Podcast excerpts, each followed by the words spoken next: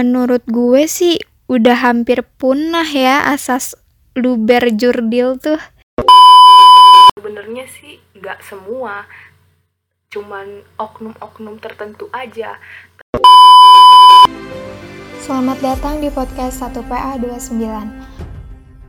Halo teman-teman semuanya, apa kabar? Semoga kalian dalam keadaan sehat walafiat tanpa kurang suatu apa pun.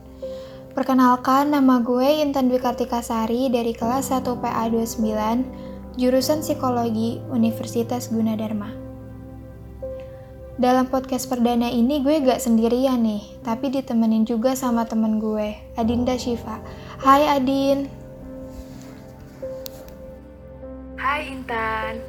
Hai juga kalian pendengar podcast ini. Kenalin, gue Adin. Gue yang bakalan jadi lawan bicara Intan, sekaligus teman diskusi dia di podcast ini. Jadi gue mau ngajak diskusi atau berbincang-bincang gitulah sama lo di podcast ini. Lo bisa tebak gak apa yang bakal kita bahas? Yang gue tahu, kita bakalan bahas materi PKN, pastinya. Tapi buat lebih jelasnya, gue belum ada gambaran. Lo apa nggak mau ngasih clue gitu? Apa yang bakalan kita bahas nanti di podcast ini. Kita bakalan bahas sesuatu yang berhubungan sama demokrasi di sini. Hmm, klunya yang lagi hangat. Bentar, bentar. Kasih gue waktu buat mikir dulu. Hmm, kalau berdasarkan clue yang lu kasih ya, demokrasi dan lagi hangat.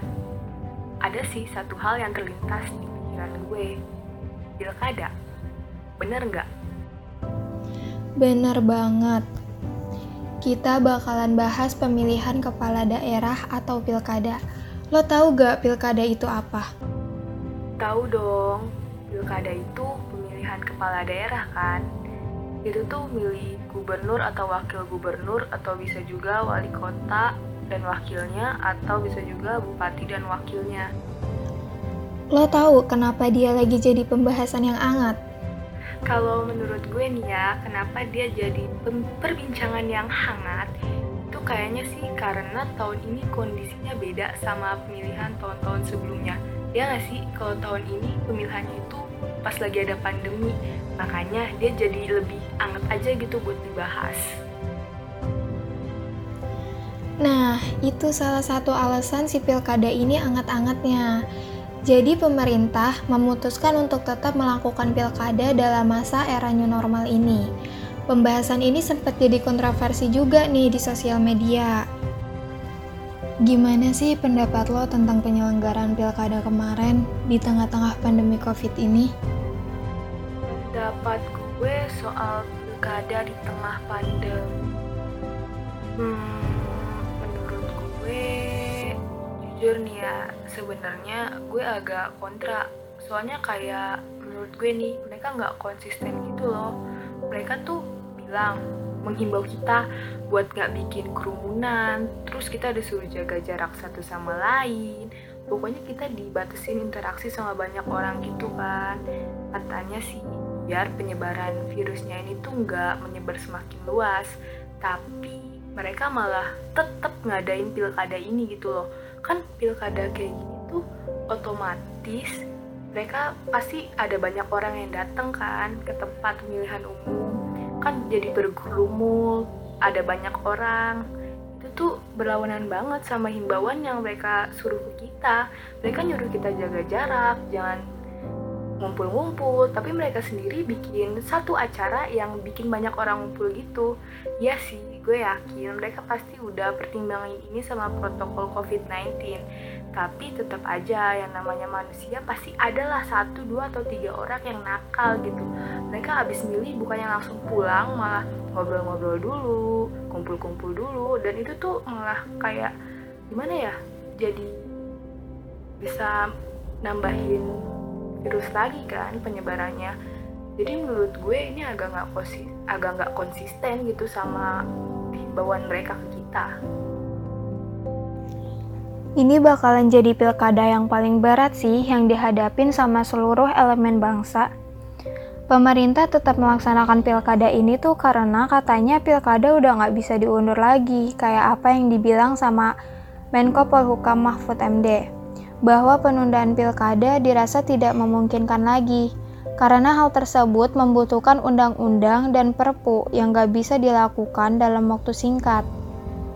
Dan penundaan juga akan berdampak pada banyaknya pejabat PLT di beberapa pemerintahan daerah yang nggak memungkinkan mereka untuk mengambil kebijakan-kebijakan strategis.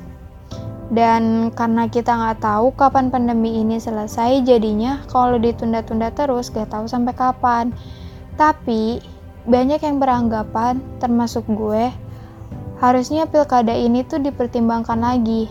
Walau ada konsekuensi dari berkurangnya masa jabatan kepala daerah yang cukup signifikan dan lain hal sebagainya lagi kondisi kayak gini, anggaran pilkada juga harusnya bisa untuk dialihkan bagi proses pemulihan ekonomi negara yang lagi krisis nih. Karena menurut gue itu lebih mendesak untuk sekarang ya. Apalagi pasti anggaran pilkada tahun ini tuh lebih besar. Karena pemerintah harus mempersiapkan protokol kesehatan juga kan. Iya sih, bener kata lo, hal kayak gini kayaknya juga emang gak bisa diundur dengan gampangnya gitu loh. Kayak ah udahlah undur jadi tahun depan aja. Jadi kayaknya ya mungkin itu udah keputusan terbaik pemerintah sih dan lagian udah kejadian juga kan Lo ikut pilkada kemarin gak? Menurut lo gimana sih persiapan yang dilakukan pemerintah? Apa udah cukup baik? gue gak ikut pilkada soalnya daerah gue gak ngadain pilkada tapi gue sempet mantau perkembangannya lewat media sosial contohnya Twitter di sana tuh ada banyak orang yang cerita gitu. Mereka nggak nyelupin jari mereka ke tinta ungu loh di pilkada ini tapi ditetesin. Dan gue berpikir kayak oh mungkin ini cara pemerintah buat ngakalin gimana caranya biar si tinta tetap steril. Tapi mereka tetap ada tanda kalau mereka udah milih. Jadi biasanya dicelup sekarang diganti sama ditetesin gitu. Lucu deh. Di daerah gue juga gak ada jadi gue nggak tahu nih gimana sistem dan persiapan pemerintah apa udah baik atau belum tapi yang pasti pemerintah pastilah berusaha mempersiapkan dengan baik dan harusnya masyarakat juga harus pintar dan lebih sadar akan kesehatan dirinya dan orang lain juga. Karena protokol kesehatan itu kan hanya mencegah ya, jadi tetap ada kemungkinan untuk terjadinya penularan. Iya sih, bener kata lo, mereka pasti udah persiapin. Ya mereka pasti udah mikirin cara gimana biar pilkada tetap jalan tapi protokol tetap ditetapin. Oh ya selain tinta ditetesin gue juga sempat lihat di media sosial lagi rame sama satu hal nih. Di pilkada kemarin banyak kertas suara yang dirusak. Entah itu dicoret atau ditempel-tempelin gambar lain. Dan gue mau minta pendapat lo soal ini. Menurut lo ini gimana? Ya mungkin emang udah keputusan mereka buat ngelakuin itu dan gue pribadi sih gak nyalahin, tapi gak membenarkan juga. Soalnya gue memaklumi gitu loh. Karena menurut gue, mereka yang ngelakuin itu sebagai bentuk protes dengan diadakannya pemilu di waktu yang kurang tepat, kayak di masa pandemi ini. Dan mungkin mereka kayak udah gak percaya lagi gitu sama para paslonnya. Karena sekarang pejabat yang benar-benar ngejalanin tugasnya dengan baik tuh bisa dihitung jari banget kan? Tapi gue cukup kaget sih pas baca bahwa ada berita beserta foto-fotonya. Kertas yang udah dicoret-coret. Warga Indonesia pada kreatif banget ya. Ini salah satu fenomena yang unik sih. Dan ternyata Pilkada 2020 kemarin juga bertepatan dengan Hari Anti Korupsi Sedunia. Mungkin ini dijadikan momentum juga dalam menyuarakan aspirasinya untuk golput. Iya iya bener banget. Masyarakat plus 62 ini emang kreatif-kreatif banget deh Kekreatifannya udah tanpa batas banget Aduh gue sampai wah banget pas baca berita itu kayak Hah beneran dicoret-coret, ditempel foto aneh-aneh Dan jujur gue setuju sama poin lo tadi lo di situ bilang mungkin ini bentuk kekecewaan mereka atau mungkin mereka intinya kayak udah nggak percaya gitulah sama calon-calonnya karena udah keseringan dikecewain. Kayaknya sih iya bener sekarang gue jadi bingung mau ngetawain hal itu atau gue mau miris sama hal itu. Karena kayak oh ternyata udah sampai di titik ini ya ketidakpercayaan masyarakat ke calon pemimpin mereka Gimana sih tanggapan lo soal banyak masyarakat di beberapa daerah yang gak datang ke TPS dan gak menggunakan hak suaranya? Karena khawatir dengan keadaan pilkada jadi klaster baru penyebaran COVID. Khawatir jadi klaster baru penyebaran COVID-19. Jujur ya, manusia sama rasa khawatir dan rasa takut itu tuh emang gak bisa dipisahin kan. Wajar mereka takut, apalagi menyangkut kesehatan dan keamanan diri mereka sendiri. Terus ditambah lagi, penyakit ini tuh kalau menurut media yang mereka tonton, mereka baca, mereka dengar, katanya mematikan, sangat mematikan. Jadi wajar kalau mereka takut pilkada ini bakalan jadi klaster baru dan bisa bikin mereka kena penyakit itu wajar. Menurut gue mereka nggak datang juga sebenarnya wajar ya karena ya itu tadi mereka pasti sebelumnya juga udah mikir mereka juga pasti bimbang aduh datang gak ya? Tapi gue takut kalau gue datang nanti gue ketularan. Mereka pasti mikir kayak gitu. Tapi namanya manusia rasa takut mereka mungkin lebih besar. Jadinya mereka mutusin buat oh udahlah nggak usah datang yang penting gue nggak sakit. Padahal mereka juga belum tentu yang nggak datang nggak sakit kan nggak ada jaminan juga. Tapi gimana ya namanya takut emang mencegah lebih baik juga daripada menghindari tapi tapi gue nggak membenarkan mereka ya. Gue nggak membenarkan mereka boleh itu nggak datang nggak milih cuman karena rasa takut. Menurut gue malah jujur nih gue kesel. Soalnya kertas suaranya jadi ada yang kosong gitu kan. Dan gue takut banget kertas suara yang gak kepake ini tuh malah dimanfaatin sama oknum-oknum yang curang. Nanti dipakai buat manipulasi suara biar suara mereka nambah. Padahal sebenarnya itu tuh kertas suara yang nggak kepak yang nggak kepake karena pemilihnya itu nggak datang jadi gue jujur kesel. Soalnya kayak seenggaknya sempetin gitu sebentar aja nggak apa-apa deh lu datang nyoblos udah pulang langsung gitu. Kalau lu takut ketularan dia ya, emang harusnya juga langsung pulang sih nggak usah ngumpul-ngumpul dulu habis milih. Tapi ya namanya manusia pasti takut gue juga nggak bisa nyalahin ketakutan mereka Iya, tanggapan gue juga gitu sih. Dalam situasi pandemi kayak gini, gak menggunakan hak suaranya boleh jadi pilihan yang rasional. Ya, mengingat kesehatan dan keselamatan masyarakat publik lagi terancam kan. Tapi sayang juga jadinya pilkada sekarang gak maksimal hasilnya karena gak sedikit yang gak datang. Iya sih, bener kata lo, pemilihannya jadi kurang maksimal soalnya yang datang dikit. Oh iya, gue juga mau minta pendapat lo soal satu kata yang gak asing sama pilkada nih, golput atau golongan putih. Pendapat lo tentang golput tuh gimana? Hmm, kalau gue pribadi sih ya, tim kontra. Karena menurut gue even semua paslonnya kurang pas menurut kita kayak kurang meyakinkan tapi bagaimanapun kita punya hak buat memberikan suara kita. Dan harusnya kita gunakan hak itu.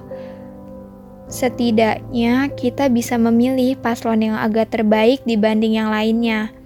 Apalagi ini ajang yang diadain 5 tahun sekali. Kalau bisa sih jangan sampai golput ya menurut gue. Ya sih, bener kata lo, sebisa mungkin jangan golput. Usahain pilih sengganya yang menurut kita tuh lebih baik gitu daripada pasangan lainnya.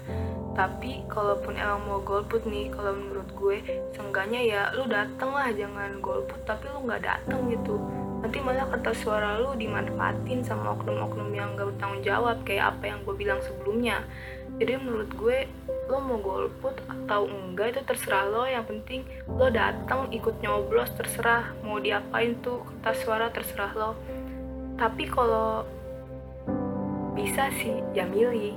Soalnya kan ini tuh menyangkut nasib lo selama beberapa tahun ke depan kan. Ini juga ada hubungannya sama hidup lu gitu. Jadi ya ikut milih karena ini demi hidup lu juga ke depannya Kan seperti yang kita tahu ya, kalau sekarang kayaknya kebanyakan pejabat dekat sama masyarakat pas lagi kampanye-kampanye aja nih. Nanti pas udah kepilih, mereka lupa sama rakyat, malah lebih mementingkan urusan pribadi. Tanggapan lu gimana? Aduh, aduh gue bingung mau ketawa apa gimana ya sama pertanyaan ini. Gue bingung banget jawabnya. Gue udah gak bisa berkata-kata lagi sama hal ini. Sebenarnya sih ya, itu kayak udah kebiasaan buruk manusia gak sih? Mereka datang pas butuh. Kalau mereka butuh sesuatu, pasti kita dibaik-baikin, dibikin seneng, dikasih janji-janji manis, biar apa yang mereka mau tuh bisa mereka dapetin. Tapi nanti pas mereka udah dapetin apa yang mereka mau, kita dibuang. Ibaratnya tuh kayak habis manis, sepah dibuang. Pas banget sih sama hal itu? Gue udah bingung banget nih mau komentarin hal kayak gini gimana. Sebenarnya sih nggak semua cuman oknum-oknum tertentu aja. Tapi masalahnya oknum tertentunya ini tuh ada banyak gitu.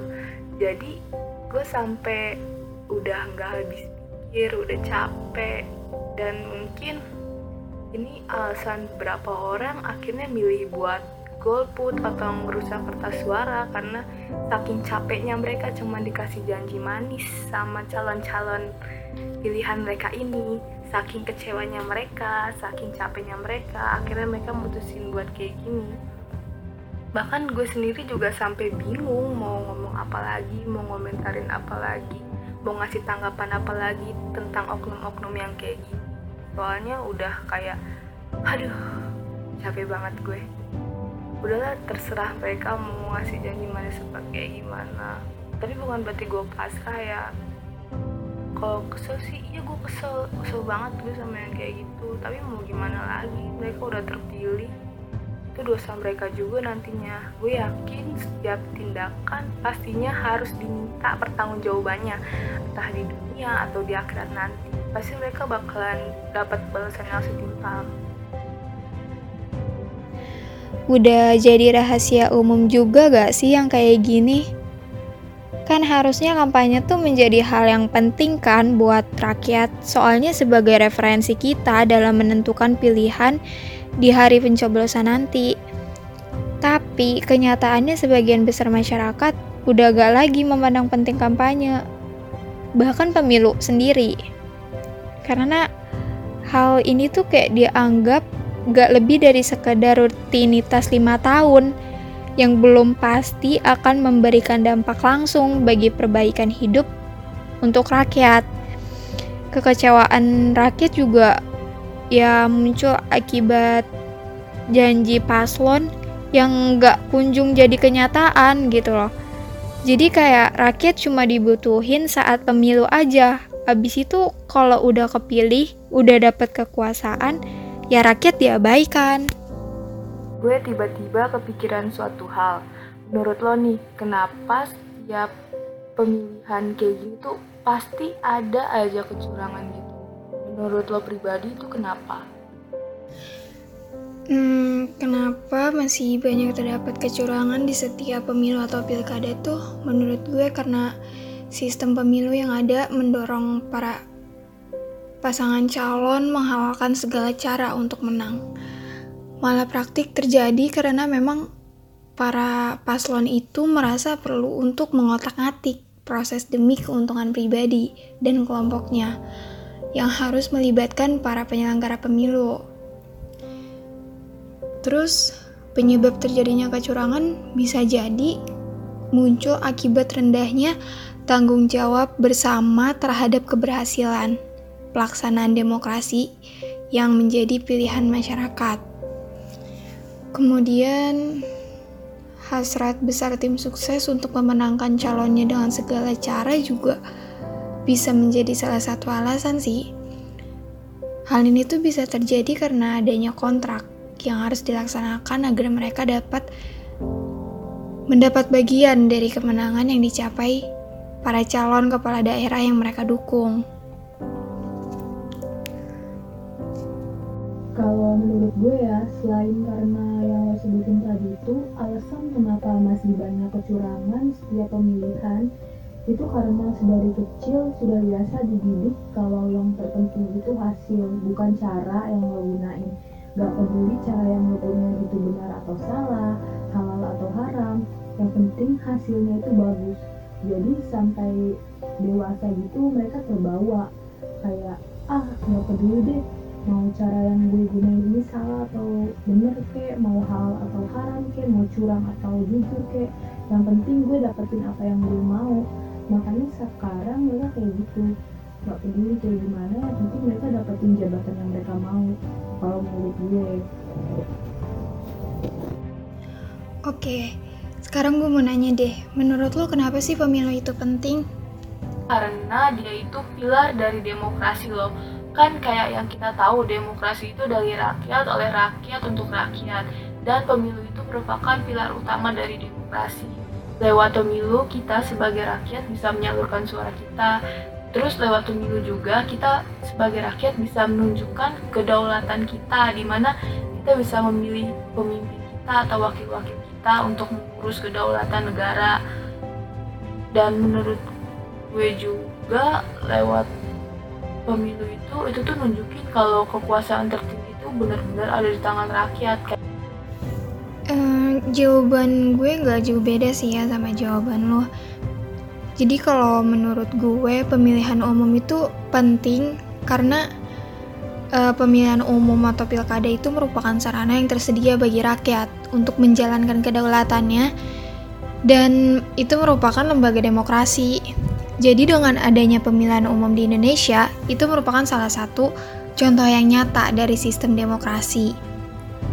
Hmm, terus Pemilu itu kan bertujuan untuk membentuk pemerintahan baru dan perwakilan rakyat yang benar-benar bekerja untuk meningkatkan kesejahteraan rakyat. Dan pemilu juga bertujuan untuk melaksanakan pergantian personal pemerintahan secara damai, aman, dan tertib secara konstitusional. Jadi meskipun sekarang pemilihan umum atau pilkada seperti ini terdapat banyak pro kontra, tetapi di sisi lain, dengan adanya pemilu ini menjadikan masyarakat bebas memilih untuk menentukan siapa yang akan menjadi pemimpin nantinya.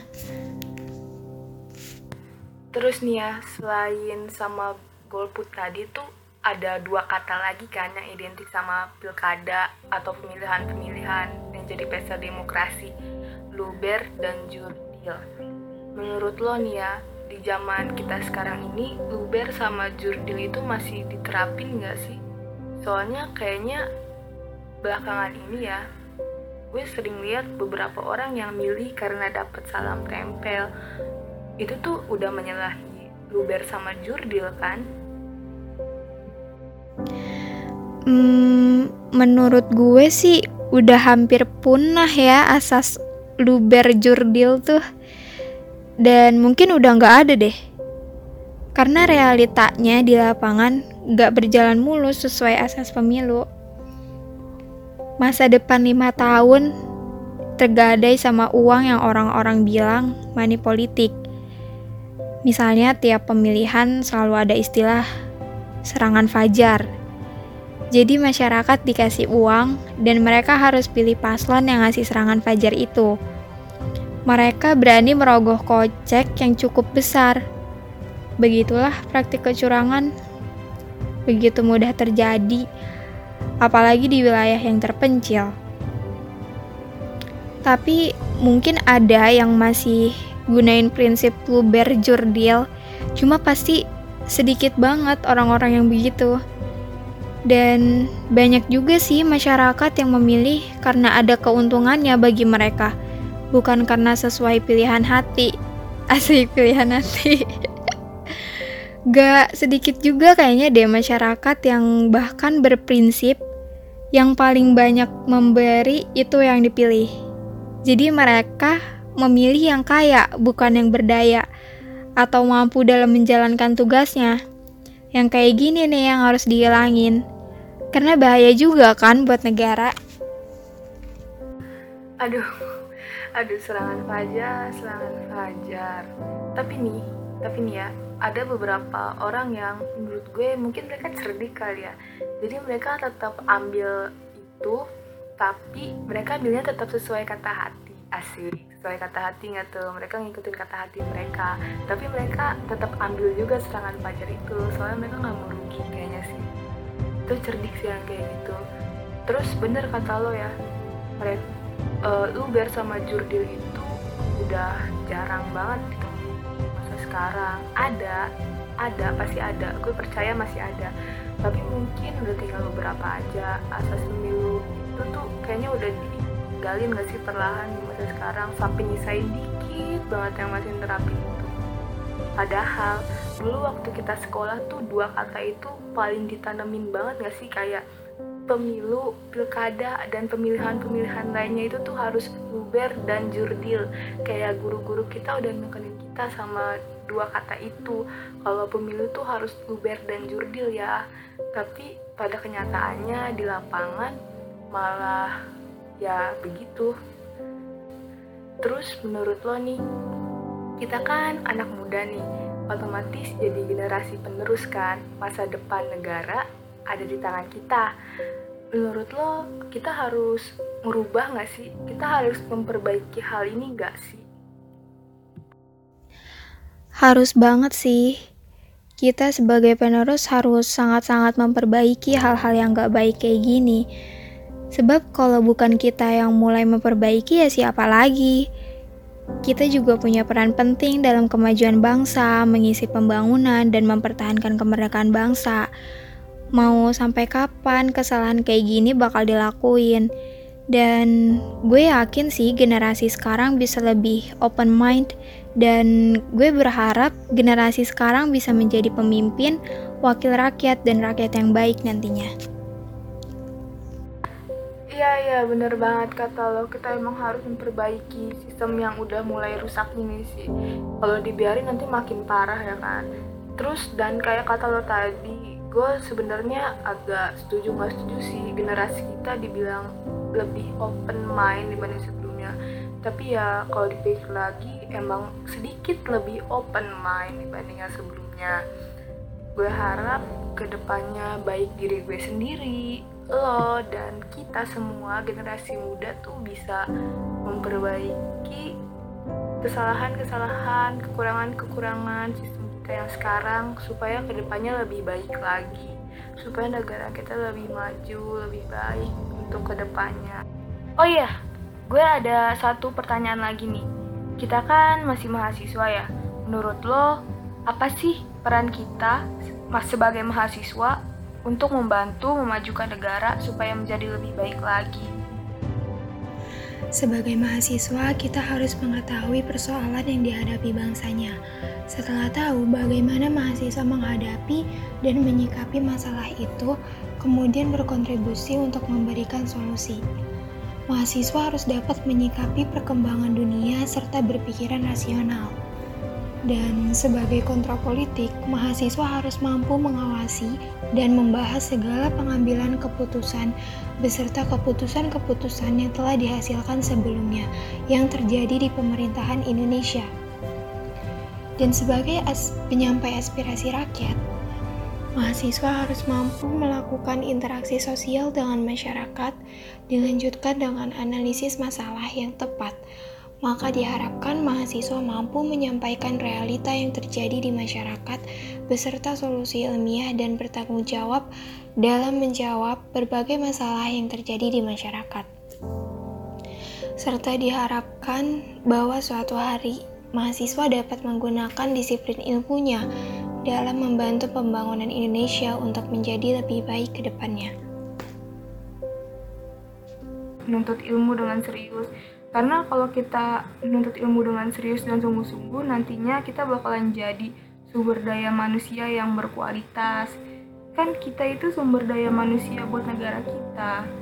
Nanti kalau misalkan kualitas kita bagus dan yang lainnya bagus otomatis secara nggak langsung kita juga bisa memajukan negara kan? Kita juga bisa bikin negara kita bersaing sama negara lain. Kita juga bisa buktiin kalau negara kita itu nggak kalah sama negara lain jadi menurut gue selain yang lo sebutin itu peran kita sebagai mahasiswa dalam memajukan negara adalah dengan menuntut ilmu dengan sungguh-sungguh supaya kita menjadi sumber daya manusia yang bagus. Oke, gue kira itu aja ya sepenggal diskusi kita. Hmm, udah 30 menit lebih juga deh kayaknya kita diskusi dengan topik ini. Mungkin sebelum menutup podcast ini, satu disclaimer yang ingin gue sampaikan adalah Diskusi ini diskusi gue dan Adin ya, sama sekali tidak membawa pandangan institusi.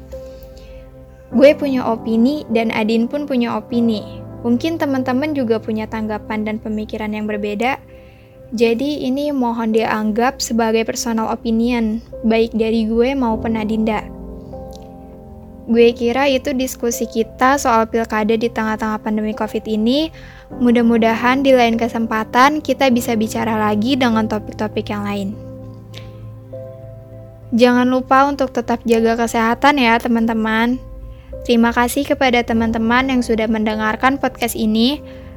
Dan juga terima kasih kepada Adin udah nemenin gue ngobrol-ngobrol di sini juga mau bilang terima kasih kembali Intan udah mau jadi teman diskusi gue buat podcast ini. Terus juga terima kasih buat kalian pendengar podcast ini. Gue juga mau minta maaf kalau misalkan ada perkataan gue ataupun perkataan Intan di podcast ini yang secara sengaja maupun tidak sengaja itu menyinggung kalian. Maaf ya. Sampai jumpa di lain kesempatan. Dah. Makasih ya udah dengerin podcast kita.